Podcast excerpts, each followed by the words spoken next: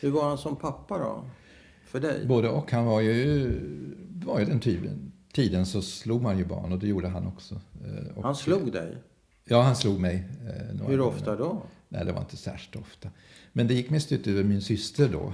Ja. eh, Eftersom, Du, hade en sy- du har en syrra också? Ja, just det. Hon var ju åtta år äldre. Och Ja. han, Och hon heter? Vera. Ja. Och råkar hon mer illa ut som flicka? Ja, Alltså? absolut. Jag var den lille eh, gullgossen snarare. Ja. Och- Och Vera? Nej, hon var, skötte sig inte i skolan. Nej. Hon fick dåliga betyg och måste gå om en klass och Aha. var känd som ett eh, väldigt busigt barn. Ja. Och eh, föll inte in, som det hette lustigt nog i en beskrivning av läraren, föll inte in i klassgemenskapen. Oj.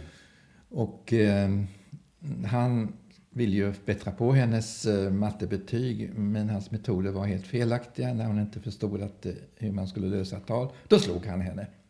Oj. Och det är ju inte någon särskilt bra pedagogik. Pappa alltså? Ja. Och vad slog han med? Med handen. Med handen? En örfil? Ja, men han hade visst också, vad jag förstår, en mattpiskare i beredskap. eller en käpp eller något sånt där. Så hon skulle lära sig eh, Och att det skulle bankas matematik via fysiska... misshandel alltså? Ja. Och det här präglar henne så att hon, hon rymde hemifrån. Ja. Och eh, vid 15 års ålder och Och vart tar hon vägen då, stackars flicka?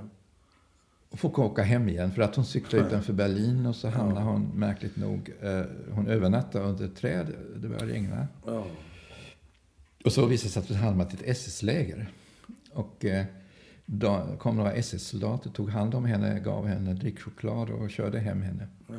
Och då fick jag väldigt positivt intryck av, av de här eh, killarna. De var ju, hade snygga uniformer tyckte hon och så vidare. Och så cykel och allting kördes iväg i närheten av hemmet så att det inte skulle synas för mycket.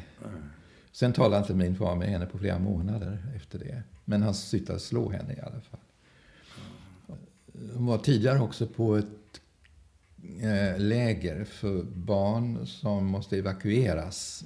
Det är inget konstigt, det gjorde man i England också. ja. Nej, här var det läger dock, och med indoktrinering och allting. Eh, och där ja, blev hon eh, så att säga en riktigt liten nazist. ja. Men sen eh, hade min far några bekanta i en annan del av det dåvarande, dåvarande Stortyskland så att Ja. säga. Som nu ligger i Polen. ja.